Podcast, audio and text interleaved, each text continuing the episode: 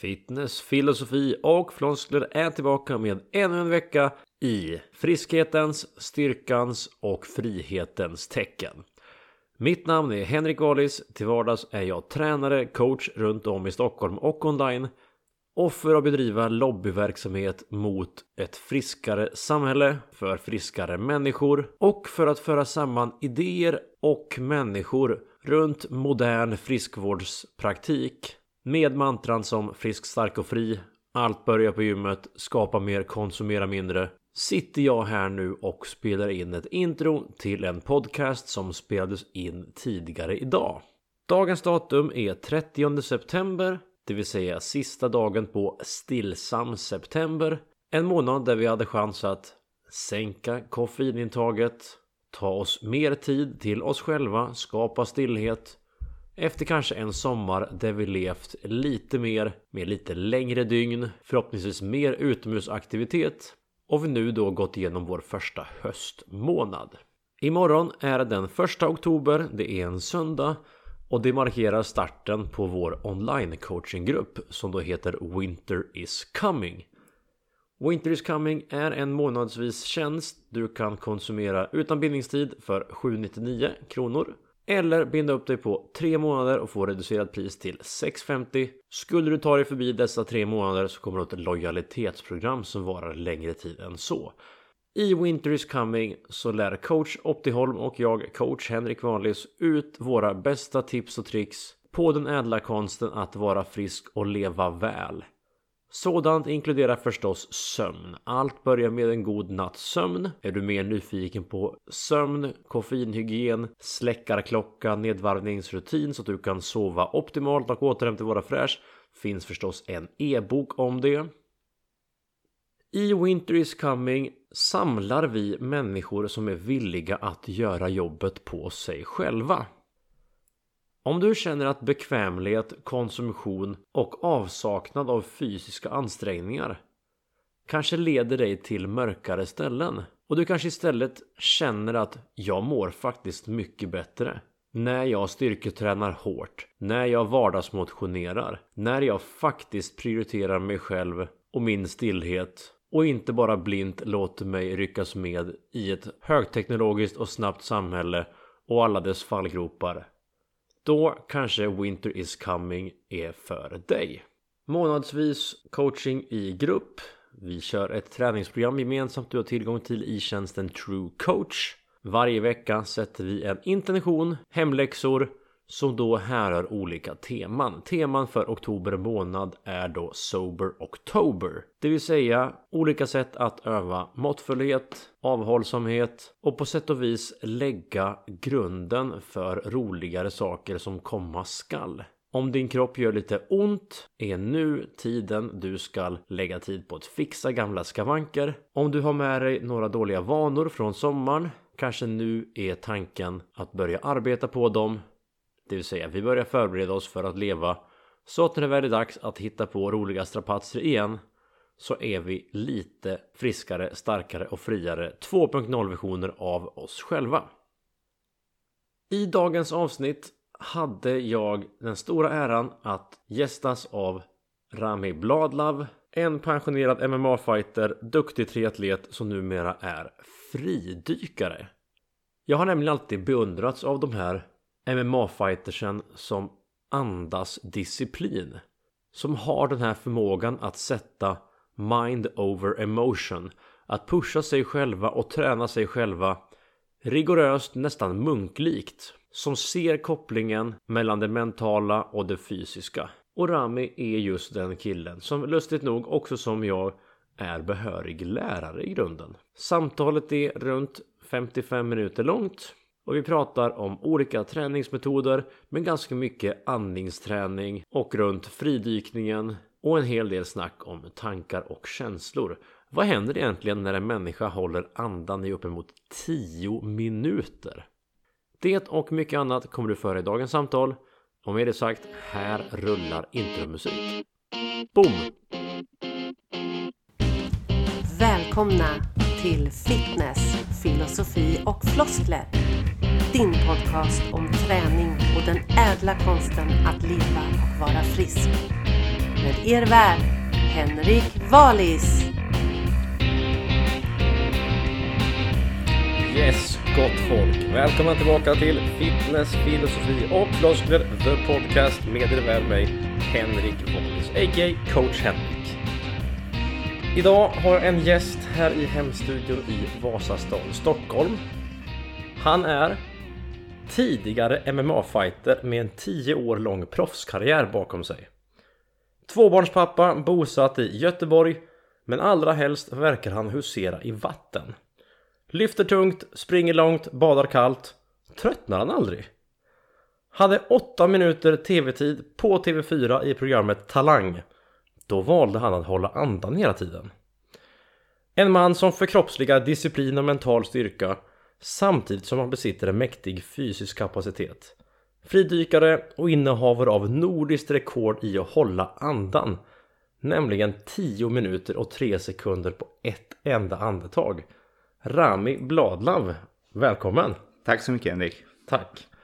Vill du eh, fact-checka den presentationen?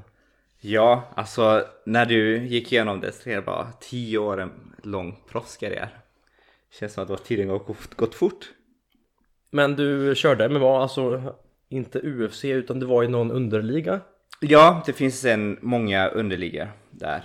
Jag tävlade främst i, för Brave och Desert Force och de, eh, på den tiden fanns de mer i arabländerna, i Mellanöstern. Nu har det expanderat och Brave finns någonstans, typ överallt.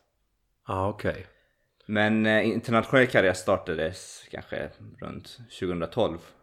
Så jag gjorde proffsdebut 2009. Då var jag 18 år gammal. Okej. Okay. Men jag tänker att eh, jag skulle vilja börja egentligen med en liten kort eh, origin story. Jag hann ju läsa på i en eh, Partille-artikel. Du har en egen Wikipedia-sida. Och vi har gemensamma vänner i Göteborg och det var så rekommendationer om dig som gäst kom.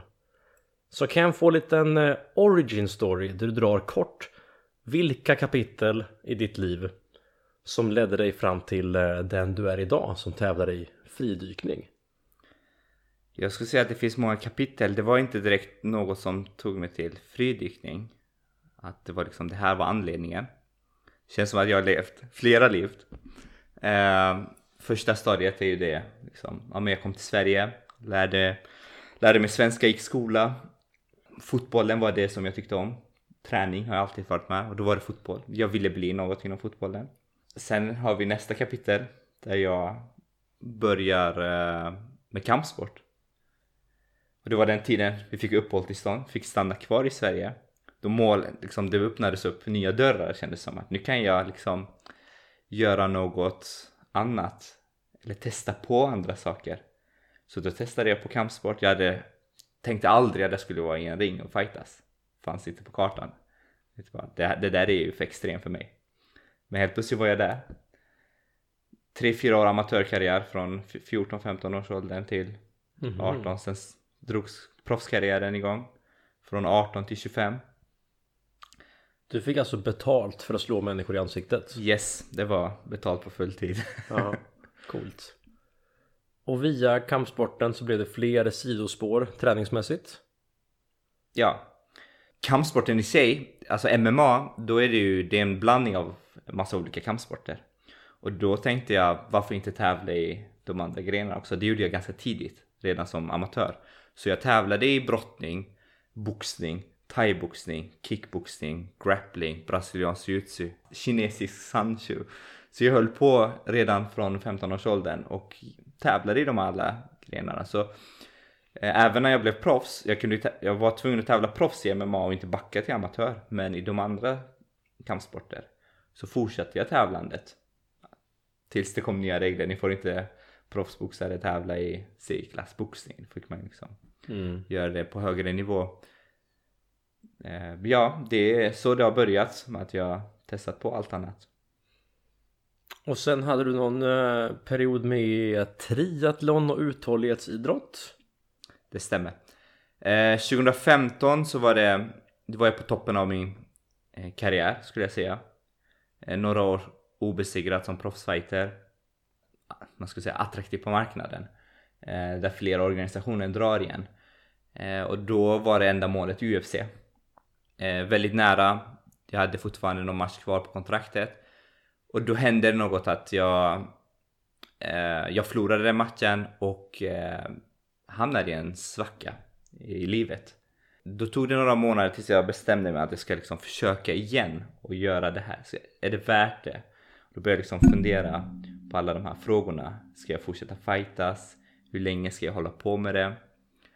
Och då testade jag på OCR-race som en kompis rekommenderade. Skulle man springa och eh, hoppa över hinderbanor genom lera. Tyckte jag var kul. Men sen såg jag, tittade jag på resultatet och var placering 215. Så jag var liksom, ja men jag kan bättre. Ehm, Det var något som det här med tävlingen drogs igång igen. Jag kan förbättra Mm. mig här. Och då, då var det helt plötsligt något nytt som var kul. Att springa. Då började jag titta mycket på löpdokumentärer och kom in på någon triathlon-dokumentär. En som hade blivit världsmästare när han hade börjat han var 30. Tänkte jag, men det där kan jag också göra då. Lite så. Okej. Så du fick liksom en eh, rebirth med uthållighetsidrott. Så du fortfarande kör? Ja, det har jag. Sen jag började med triathlon så har jag fortsatt med konditionsidrott. Ja, och är det liksom tävlingsfokus eller träningsfokus? Nu är det träning. Nu gillar jag att springa länge. Jag känner att jag mår bra av det. Eh, att, och även det är väldigt mycket tillbaka till de andra sporterna som jag hoppar fram och tillbaka till. Men idag är du främst aktiv som tävlande i en sport. Mm. Och det är fridykning. Yes. Så för oss oinvigda kan inte du berätta om eh, fridykning?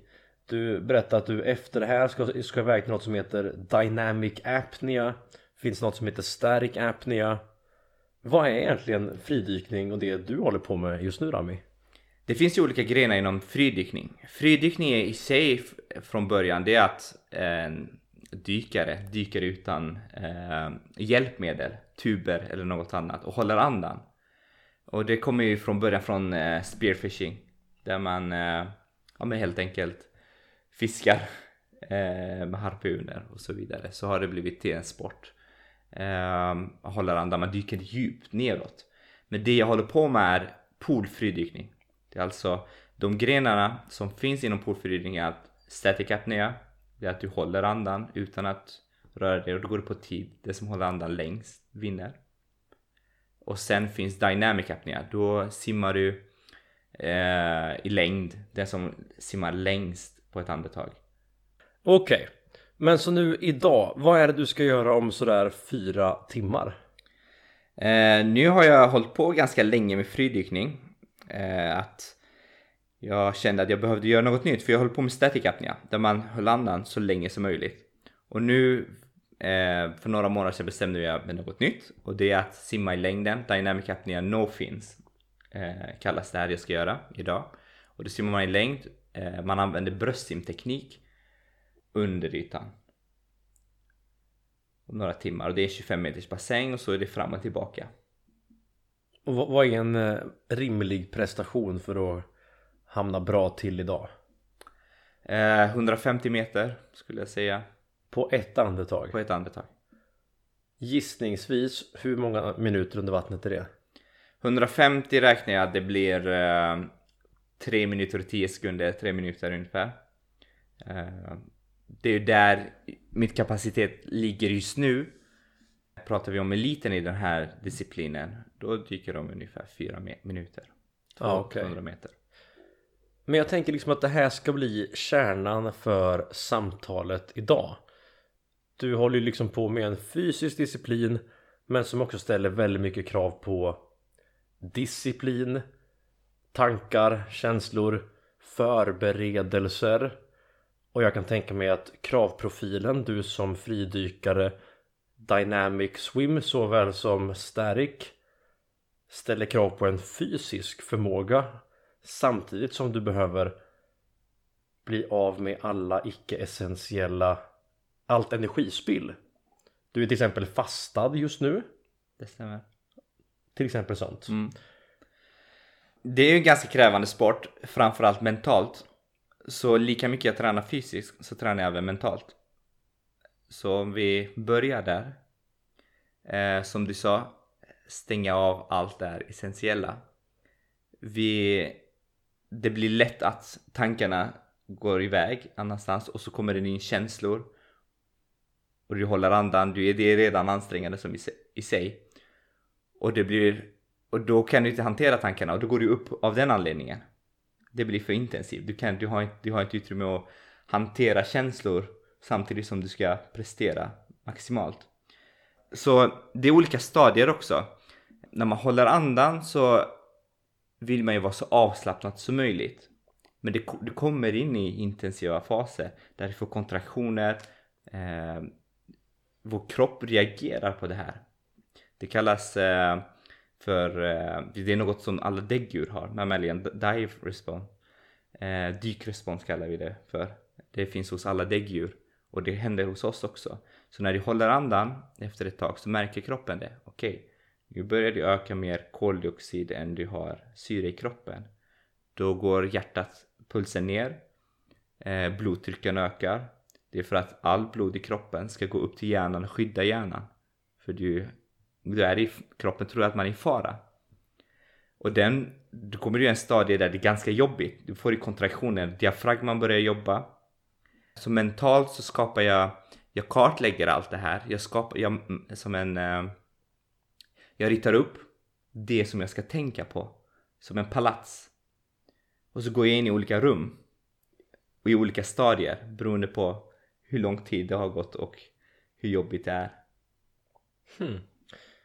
Men det komplexa här när jag lyssnar på dig prata om att hålla andan och göra det här är att vi kan ju liksom inte längre ta till våra antipaniksystem. Andas, andas.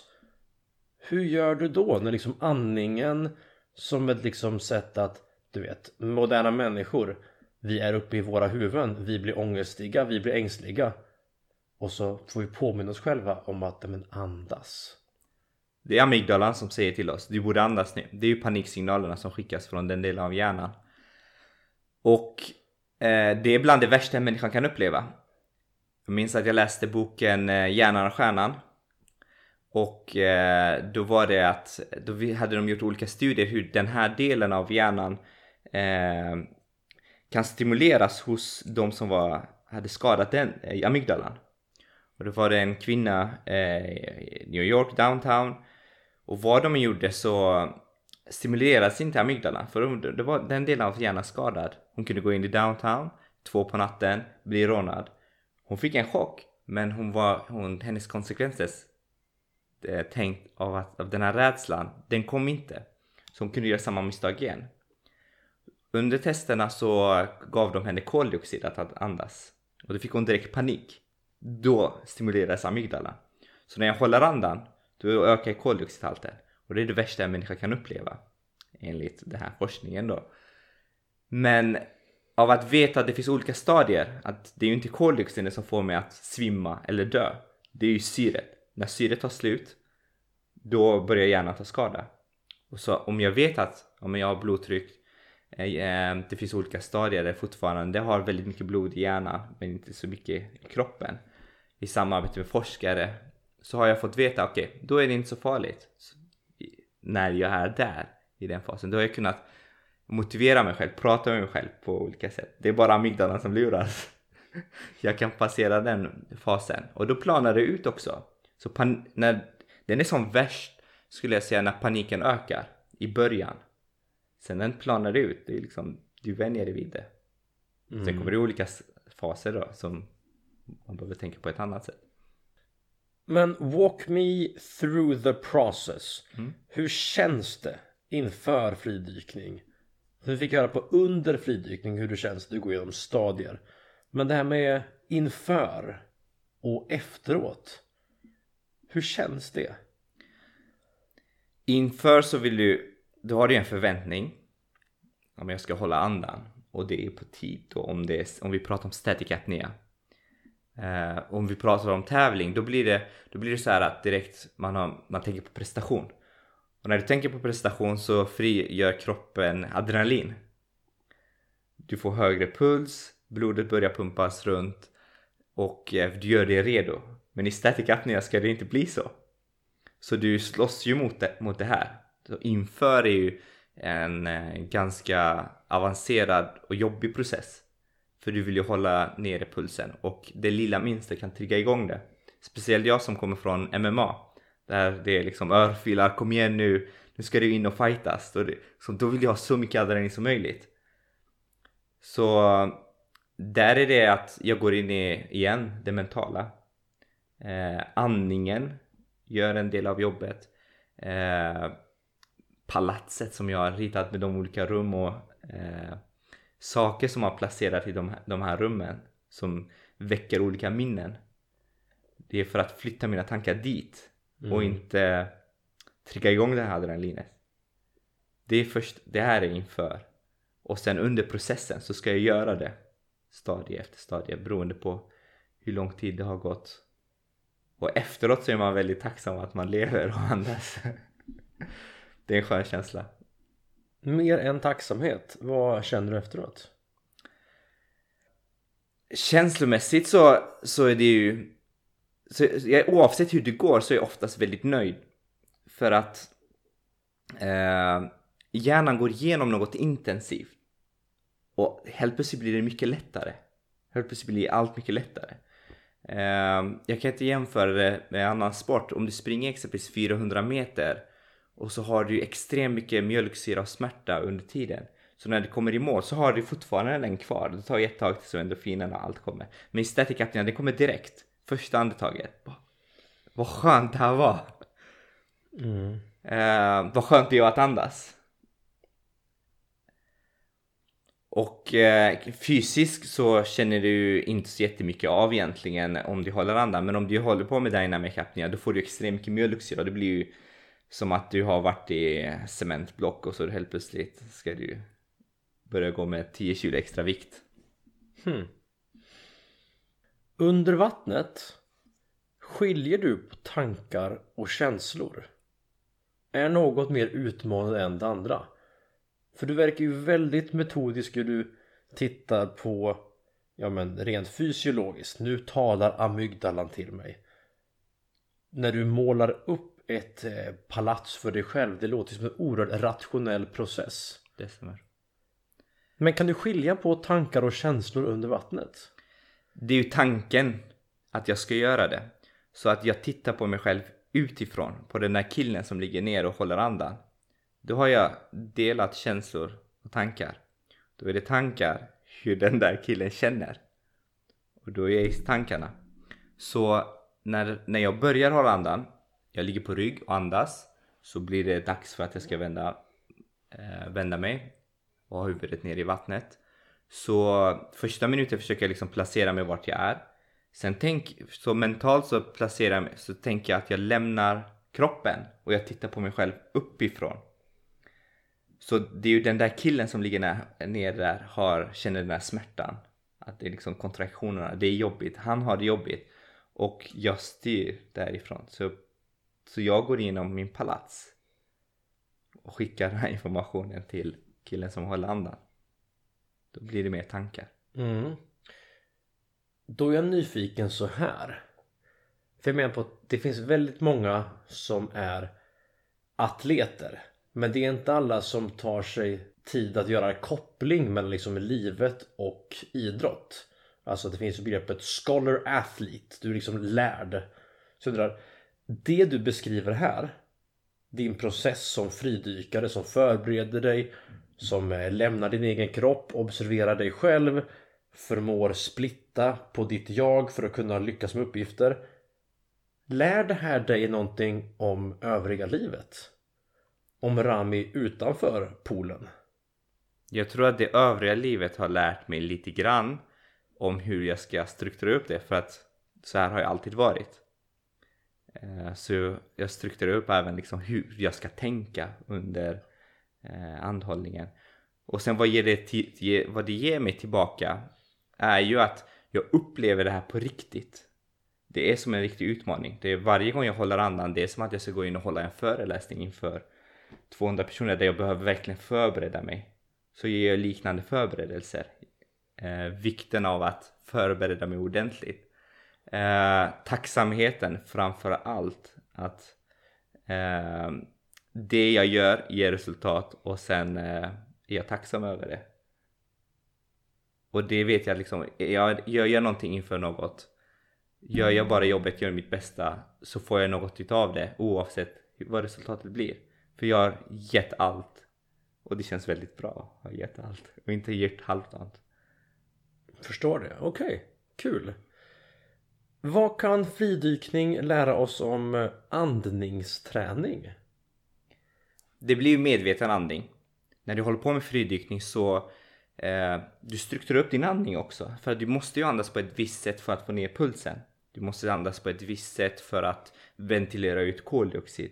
Så att du får mer syre. Du måste andas in på ett visst sätt för att få in så mycket eh, luft i lungorna som möjligt. När du håller andan. Ju mer luft, desto längre tid kan du hålla andan också. Sen har det en balans med avslappning.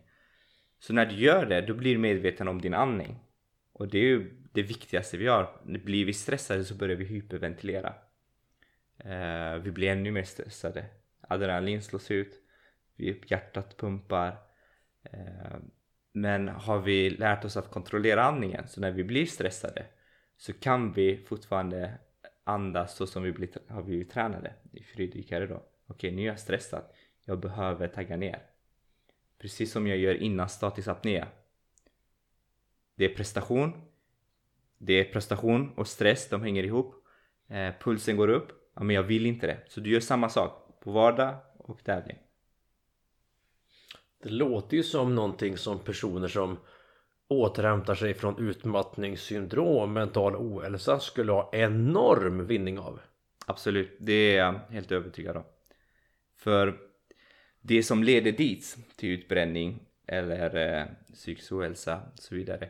Det är ju framförallt, det är mycket stress, saker som man har varit med om, trauma, allt det här eh, sätter ju obalans i kroppen. Så kan du kontrollera dina känslor, kontrollera din andning eh, så tror jag definitivt kan vara till hjälp. Mm. Det är ju nästan fult att säga så i ett modernt emotionellt Sverige att du kan kontrollera dina känslor. Men det kan vi. Det kan vi till viss del. Sen kommer det ju alltid, det här är en process. Jag, jag säger inte att det här är en lösning och det här har gett mig liksom lösning för allt. Men det, jag ser det som en process. Det kommer nya utmaningar konstant. Vi, eh, nya saker som eh, gör oss stressade. Eh, men det har lärt mig att ta ett steg tillbaka och hantera processen bättre. Inte så att nu har jag löst det, nu, nu får jag inte panik över saker och ting. Jag får fortfarande panik över saker och ting, det får vi. Händer det något som vi inte är beredda på så kan vi må dåligt. Men jag känner att jag kan hantera det bättre. Och jag ser det som en process. Det kanske, jag kanske inte löser det idag. Jag kanske inte löser det imorgon. Men jag vet att jag kan lösa det. På det sättet eh, känns det som att det har gett mig något. Mm, mäktigt. Men liksom breathwork, andningsträning för mig eller för de flesta det är ganska meditationslikt. Det är väl så människor brukar meditera mer eller mindre. Liksom som ett sätt att eh, lämna våra hyperaktiva hjärnor, överstimulerade hjärnor, äntra våra kroppar via vår andning. Typ. Hur tränar du liksom överlag för att hålla andan så länge? Eh, andningsmässigt så tränar jag framförallt på att få in så mycket luft som möjligt. Det är ju den största delen för statisk apné. Så, och för det behövs det ju plats, lungorna. Eh, det är ju inte så att lungorna blir större, för lungorna är som, lungor är som en påse. Så den kan ju bli hur stor som helst oavsett vem du är. Men sen eh, har vi ju, kroppen kan bli anpassa sig till att ge mer utrymme. Så flexibilitet, styrka.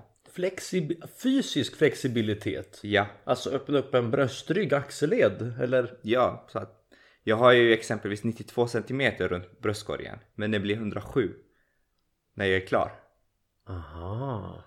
Och du skulle, kunna, du skulle inte kunna öka det nu på en gång för att musklerna liksom de eh, sätter stopp. Du har ju reben som sätter stopp för det.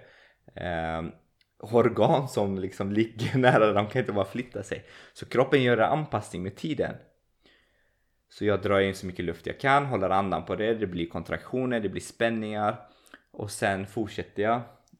Så kroppen har anpassat sig till det här också. Styrketräning är en del av det. För att har jag mycket luft, då har jag också, jag ska kunna behålla luften. Och när det blir kontraktioner, det är ju eh, sammandragningar från eh, bröstryggen, eh, diafragman. Och är du inte tillräckligt stark så kan du inte behålla luften. Den bara puff, släpps Mm. ut. Så styrketräning samtidigt som styrketräning ger ju också flexibilitet. Exempel om jag kör overhead squats med smala grepp behöver jag väldigt flexibel eh, bröstryggmuskler. Och där är en del. Sen konditionsträning, eh, långa distanser för att jag ska bli jag ska få bättre syreupptagningsförmåga och effektiv. Musklerna ska bli effektivare att använda syre.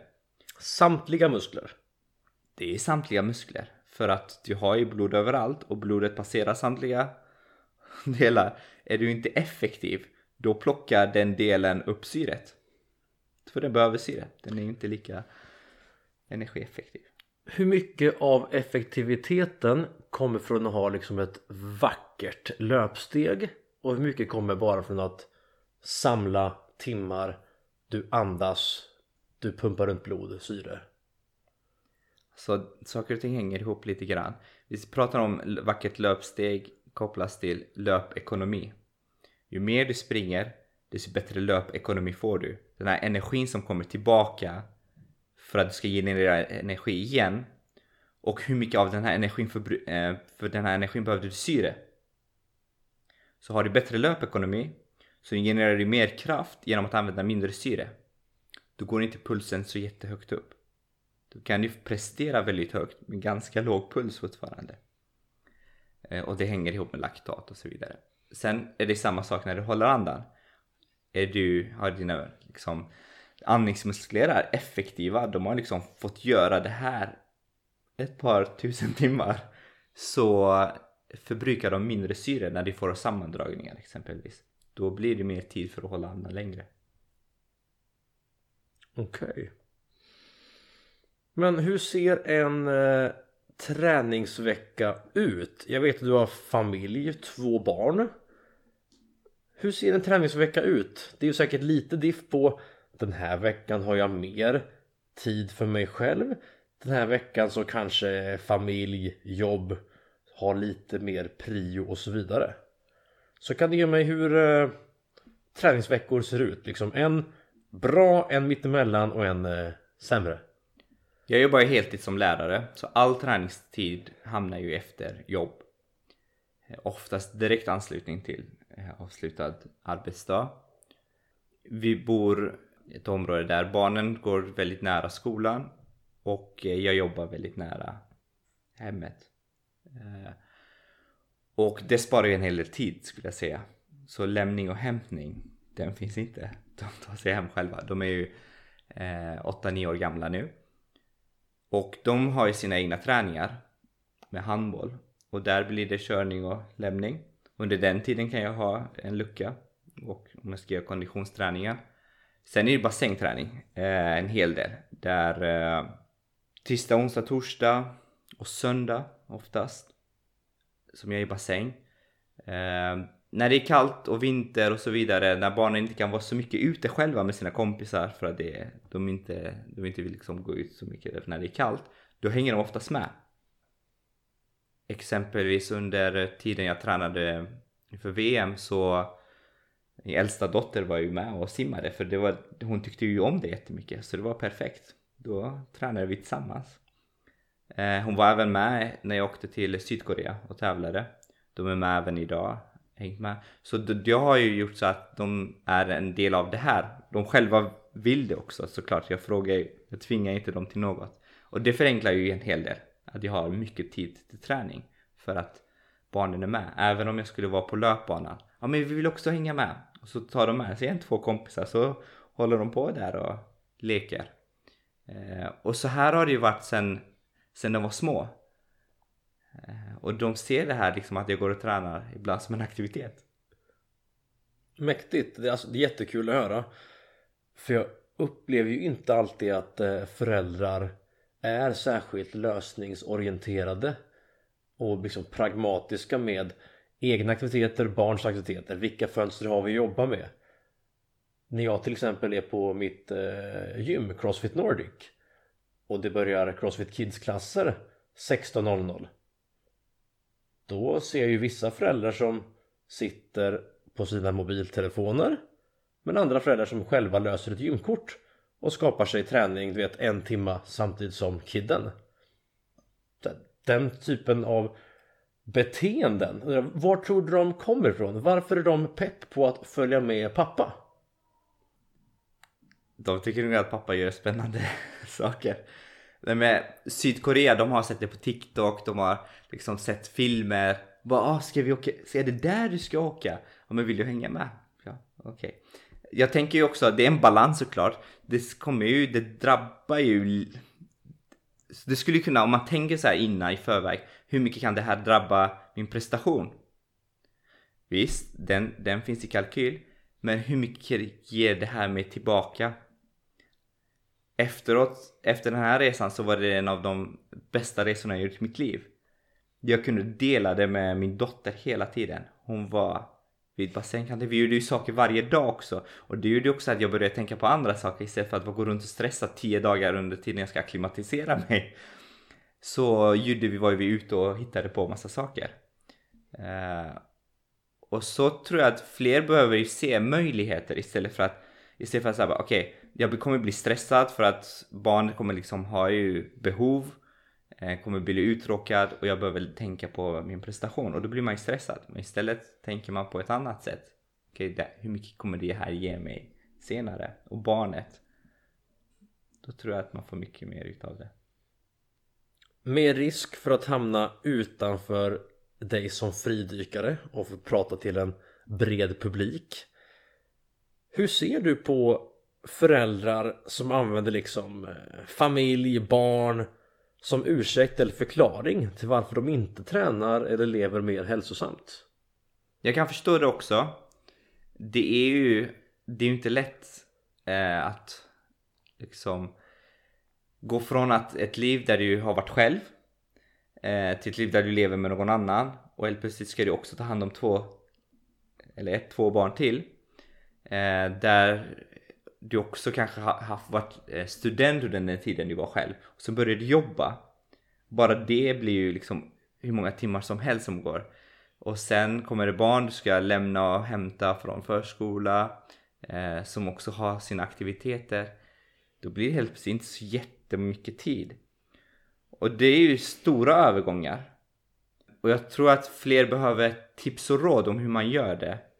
För det är ju väldigt svårt att hitta det själv. Eh, jag känner att jag har umgåtts med folk som haft den här strukturen. Jag har lärt mig av andra. Prövat det, vågat pröva. Eh, så det finns en lösning och det är att man planerar helt enkelt och ser och det har ju allt med liksom vilken förening man väljer att sätta sitt barn i. Hur mycket, hur mycket kan jag träna själv om mitt barn tränar där? Måste det vara eh, IFK Göteborg för att det har ett fint namn. Och då måste jag köra ännu längre. Eller kan det vara okej okay med att ja, men barnet kan gå till den här föreningen som är nära, nära hemmet. Det är också de här sakerna. Vissa föräldrar vill ju liksom toppa allt för barnet. Och det blir inte så mycket för en själv. Just det. Okej. Okay. men så hur är då din bästa träningsvecka och din sämsta träningsvecka? För det är klart, alla kan ju inte vara on point hela tiden, eller? Precis. Det har ju, jag försöker göra det bästa av det oavsett om jag hade 20 minuter att simma. Använda de här 20 minuterna till något som jag verkligen behöver. Vad är det viktigaste inför min tävling, inför mitt mål? Jag har 20 minuter. Jag kanske gör en maxning utan uppvärmning för att göra en extrem anpassning för kroppen. Eh, jag går ju utanför ramarna väldigt ofta. Till exempel, ja, men man behöver så här mycket uppvärmning och så ska man göra det och det och det och det. Ja, om jag hade haft tre timmar. Eh, nu kör jag all out. eh, och så, that's it. Jag kan inte göra mer åt det. Och så är jag nöjd för jag gjorde det. Sen kan man ju få en viss volym om man har liksom gjort uppvärmningen och allt det där som kunde ha varit bättre. Men jag går inte och tänker, försöker, jag försöker i alla fall inte tänka jag kunde ha gjort det bättre. Jag gjorde det där, nästa träning är det det. Eh, så jag jämför inte veckorna med varandra men jag kan jag jämföra perioder med varandra. Till exempel sommarlov. Då är det träning redan sex på morgonen innan barnen vaknar. Och jag har gjort redan ett pass. Och sen är jag med barnen och gör någonting och så är det ett pass emellan och så är det igen aktiviteter. Eh, jag har ju ganska krävande barn. De är ju som mig. De vill hitta på saker konstant. De kan inte sitta still. Så vardagarna är så, men det är ändå bästa perioden skulle jag säga, sommaren. Eh, sen blir jag ju också så här trött på det och då är det ganska skönt att gå tillbaka till struktur. Så jobbperioderna är inte så dåliga heller. För då kan, de, då kan vi ha lite distans. De går mm. till skolan. Eh, så det beror ju det beror på perioden och eh, hur jag kan hantera det. Men eh, just nu är det kanske sommaren var väldigt bra jämfört med just nu då. Mm. Men jag tror det där är ett litet eh, triatletdrag hos dig. Det jag lärt mig om eh, triatleter är att ni är ganska duktiga på att klämma in träning och se luckor när ingen andra gör och aldrig döma ut korta pass volymmässigt därför att frekvens skapar volym. Exakt så. Jag tror också, det, det kommer ju därifrån när jag sa att det, jag har ju umgås med folk som eh, eh att jag har lärt mig från, det är ju triatleter. Definitivt. Ganska tidigt insåg jag, ja men hur får ni till 6 timmars cykling plus ett simpass och så halvmaraton på eftermiddagen och så har ni typ två, tre barn som ni kör till träningar och tävlingar. Ja men de cyklar fram och tillbaka till jobbet, de simmar innan jobbet. Visst, det har ju också eh, sina gränser. Det är lätt att bli utbränd om man är lite stressad och så vidare. Men eh, de, har, de har lyckats hitta det. Många triatleter har lyckats hitta det. Mm. Och vi mm. kan lära oss mycket från dem. Ja. Jag hade Tove Larsson från Göteborg, triatlet och activitus coach på podden. Och när jag pratade med henne om liksom mitt svenska klassiken prepp så var det en sån självklarhet för henne att bara, ja, men det är väl klart att du ska simma tre gånger i veckan. Så, wow! Den frekvensen i min konceptualisering av hur mycket människan ska träna det är hög frekvens. Men verkligheten är ju att i en storstad ligger det liksom badhus i nästan var och varannan stadsdel. Var och varannan kommun, kranskommun har ett badhus. Så länge jag har ett par kallingar, en badmössa i ryggsäcken kanske en handduk så är det lugnt. Precis. Det är bara att simma. Istället för att sitta och titta i telefonen en timme så kan man ju simma. Ja. Men om vi tittar så här då.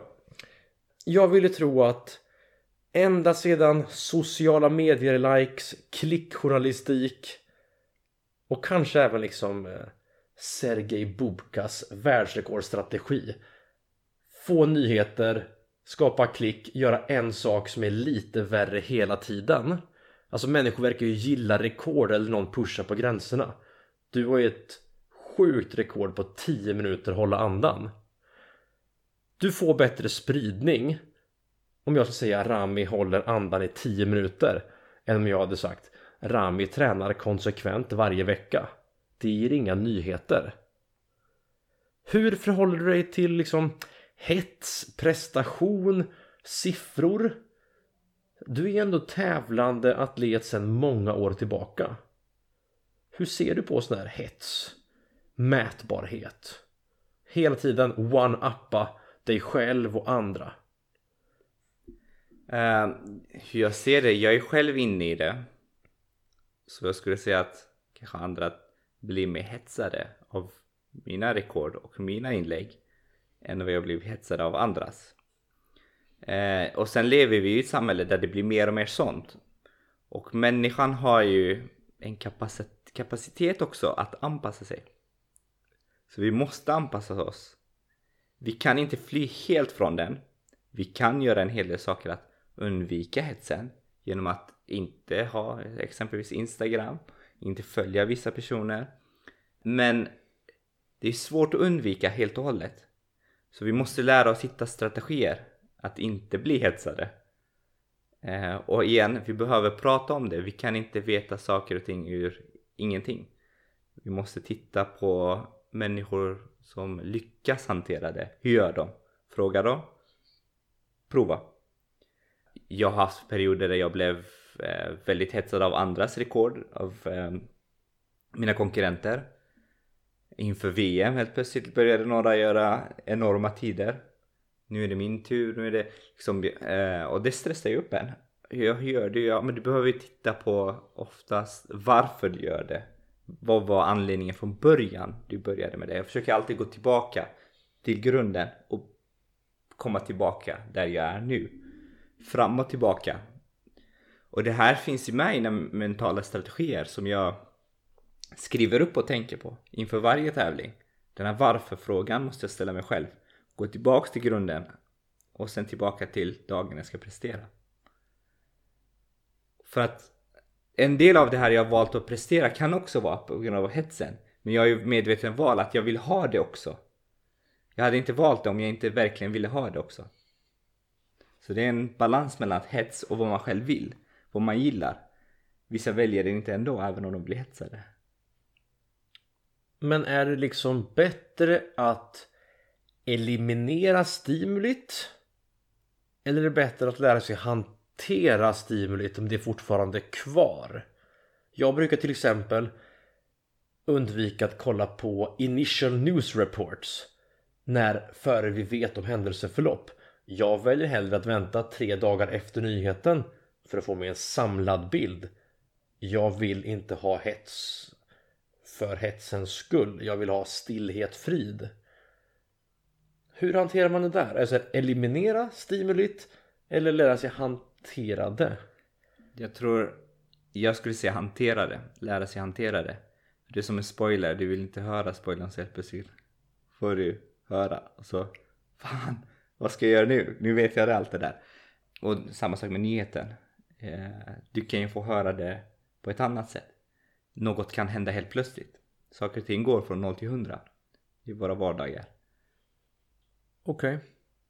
På vilket eller vilka sätt har din eh, bakgrund och bakgrund i MMA och triathlon hjälpt dig här och nu som eh, fridykare? Jag tror eh, från MMA när det är så visualiseringen. Jag jobbade väldigt mycket med visualisering. Från att jag gick in i arenan till att jag kände strålkastarens värme, domaren som pratade med mig innan inga armbågar, regler och så vidare till att jag fick den där prestationsångesten mitt i buren från första smällen som eh, man får. Varför gör jag det här? alla har en plan tills de har fått en, en smäll. Och eh, den känslan blir verklig. Hur mycket, hur mycket man än fått höra det och vet om det. Hur många gånger man har varit inne i ringen. Varje gång påminns man. Och visualiseringen har hjälpt jättemycket att jag behöver ta mig in där mentalt många gånger innan jag går in igen. Och det har jag med mig idag. Att varje gång jag ska hålla andan, varje resa så behöver jag visualisera varenda meter. Eh, varenda tanke ska vara kontrollerad för att inte skapa enorma och starka känslor som kan ta över. Jag ska kunna titta på mig själv uppifrån och titta på det som jag visualiserat. Triathlon, det är ju träningskontinuiteten, strukturen som jag har gett. Som har gett det för att klara av vardagen, studier, jobb eh, och kunna prestera på hög nivå. Mäktigt. Men kul, alltså det är väldigt intressant att se på du som är en high performer i ditt fält. Med den här podden så vill jag absolut nå ut till de som redan har en praktik kanske inte vill känna sig ensamma i den, skapa en kontext, en meningsfullhet. Du är inte extrem, du tillhör människor, det finns folk som du som vill lite mer än att bara vara bekväma. Du vandrar ju runt här liksom med disciplin och dygdighet på en eh, nästan utomjordlig nivå. Vad skulle du säga liksom till du vet gemene man som kanske inte vet var de ska börja. Alltså det är, jag mår inte så bra. Liksom, vad, vad kan jag börja om jag vill ta till mig några av dina tricks på andning, på att kontrollera sig själv? Om vi pratar om bara vardagen för att hitta liksom vad ska jag göra? Vad ska jag liksom? Där skulle jag säga, ju mer man pratar med folk, ju, ju mer man frågar, desto mer får man svar för att fundera över. Eh, jag brukar säga eh, tystnad skapar distans och då får vi distans från allt, jättemycket saker. Och då blir vi in, ensamma och ensamma klarar vi inte av att hantera tankar och eh, process, stress. Eh, andningen är ju, är ju väldigt ensam. Tänker jag att det här är ju steg två. Andningen använder du för att hantera allt input. Eh, de kan bli för mycket, de kan bli svåra att strukturera upp. Eh, så har du, jag skulle säga, om jag inte har något, något mål, om det är helt tomt och jag drar igång en andningsövning, det är fortfarande tomt. Hur du strukturerar upp det? Och i första hand så behöver vi titta ut. Eh, vilka vill jag vara med? Vilka personer inspirerar mig? Eh, vilken typ är jag? Ställa den frågan. Och sen därifrån skapa någonting. Saker och ting skapas inte av sig själv. Jag brukar säga det många gånger. Hur ram- när jag får fråga hur ramlade du in på MMA? Gillar du det? Nej, jag tittade på folk som eh, tränade och så blev jag intresserad. Det var samma sak med fridykning. Någon introducerade till mig. Och sen började jag Mm. liksom göra de här sakerna. Den som redan har en egen praktik Den får till sina pass regelbundet liksom Den har Den ser sig själv som en hälsosam tränande individ Vad kan de lära från ja, men liksom Rami-metoden med eh, disciplin, andningsträning och lite medvetenhet och intention? Vad kan, vad kan den mer vältränade populationen lära för att bli ännu mer friska, starka, duktiga på det de gör? Svarar ju nästan på frågan. Ännu mer friska, strukturerade.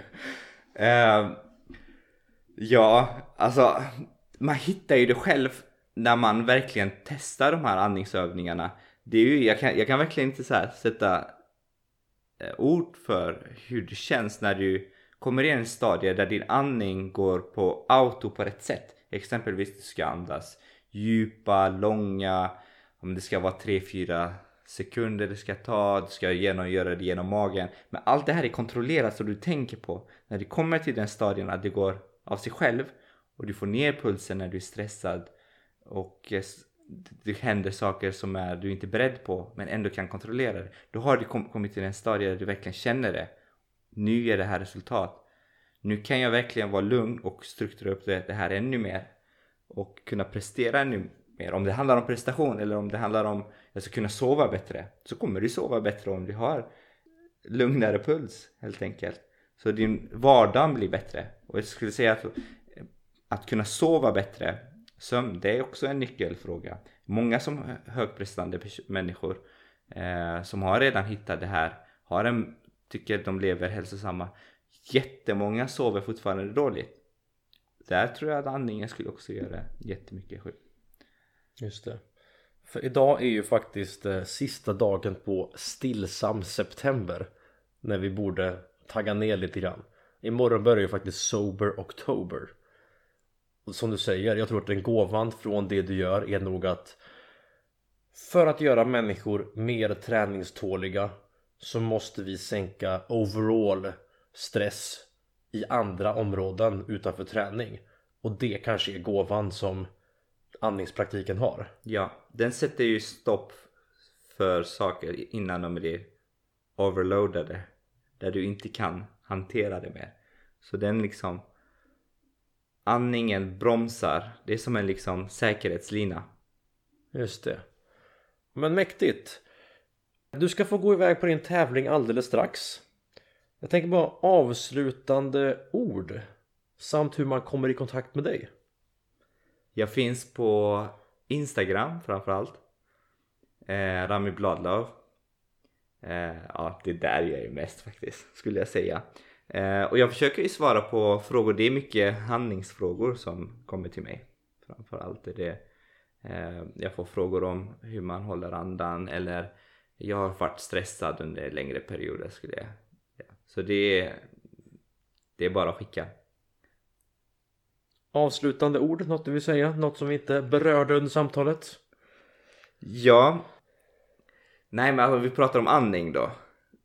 Testa någon variant. Oavs leta inte efter ja, men vilken är den bästa andningsmetoden. Ska det vara Wim Hof eller ska det vara Ramis metod?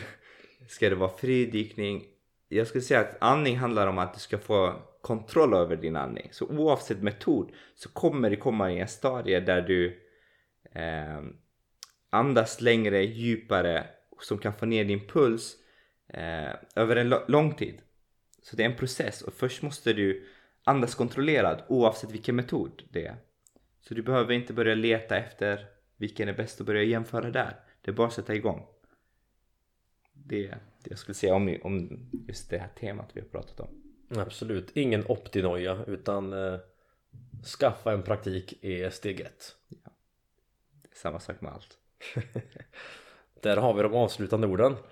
Eh, superkul att ha dig här. Tack så mycket. Tack för att jag fick vara med. Jag önskar dig lycka till på din tävling i Dynamic Apnea. Tack. Så när avsnittet släpps är det onsdag, början på oktober, början på Sober Oktober. Då hoppas jag att vi har någonting kul att berätta om dagens tävling. Säger så ni. Eh, tack och bock från mig och från Rami. Vi ses varje vecka. Torsdag morgon 05.30 har ni avsnittsdropp. Vi säger tack så mycket. Hej då!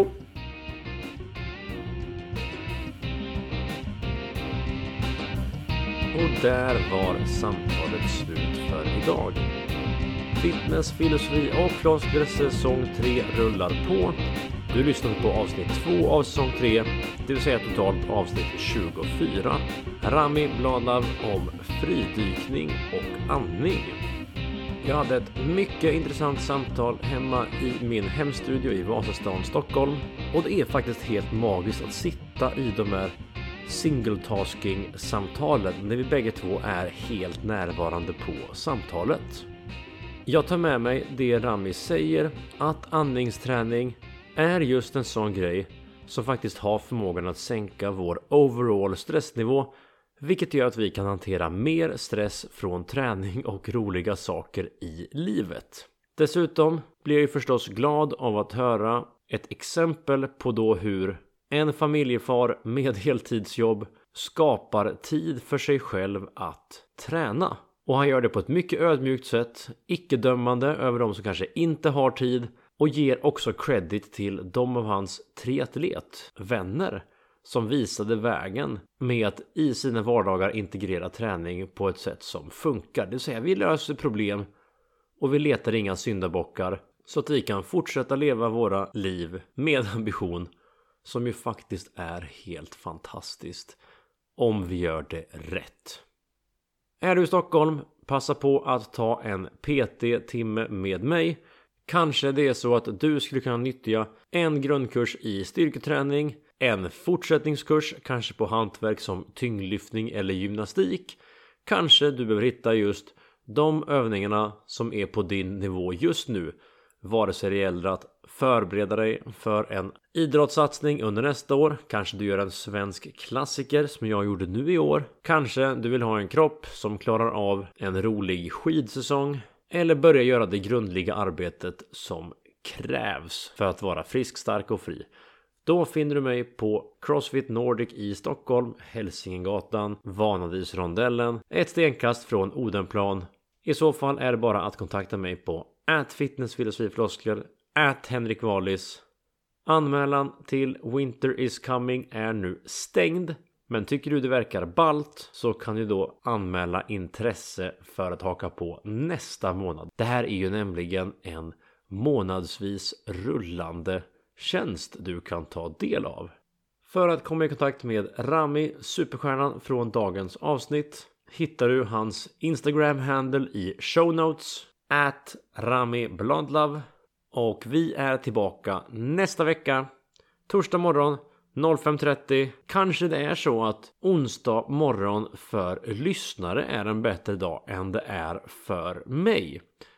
Jag själv har nämligen oftast mina admin-dagar mestadels tisdag, onsdag och då passar det bra att klippa podd.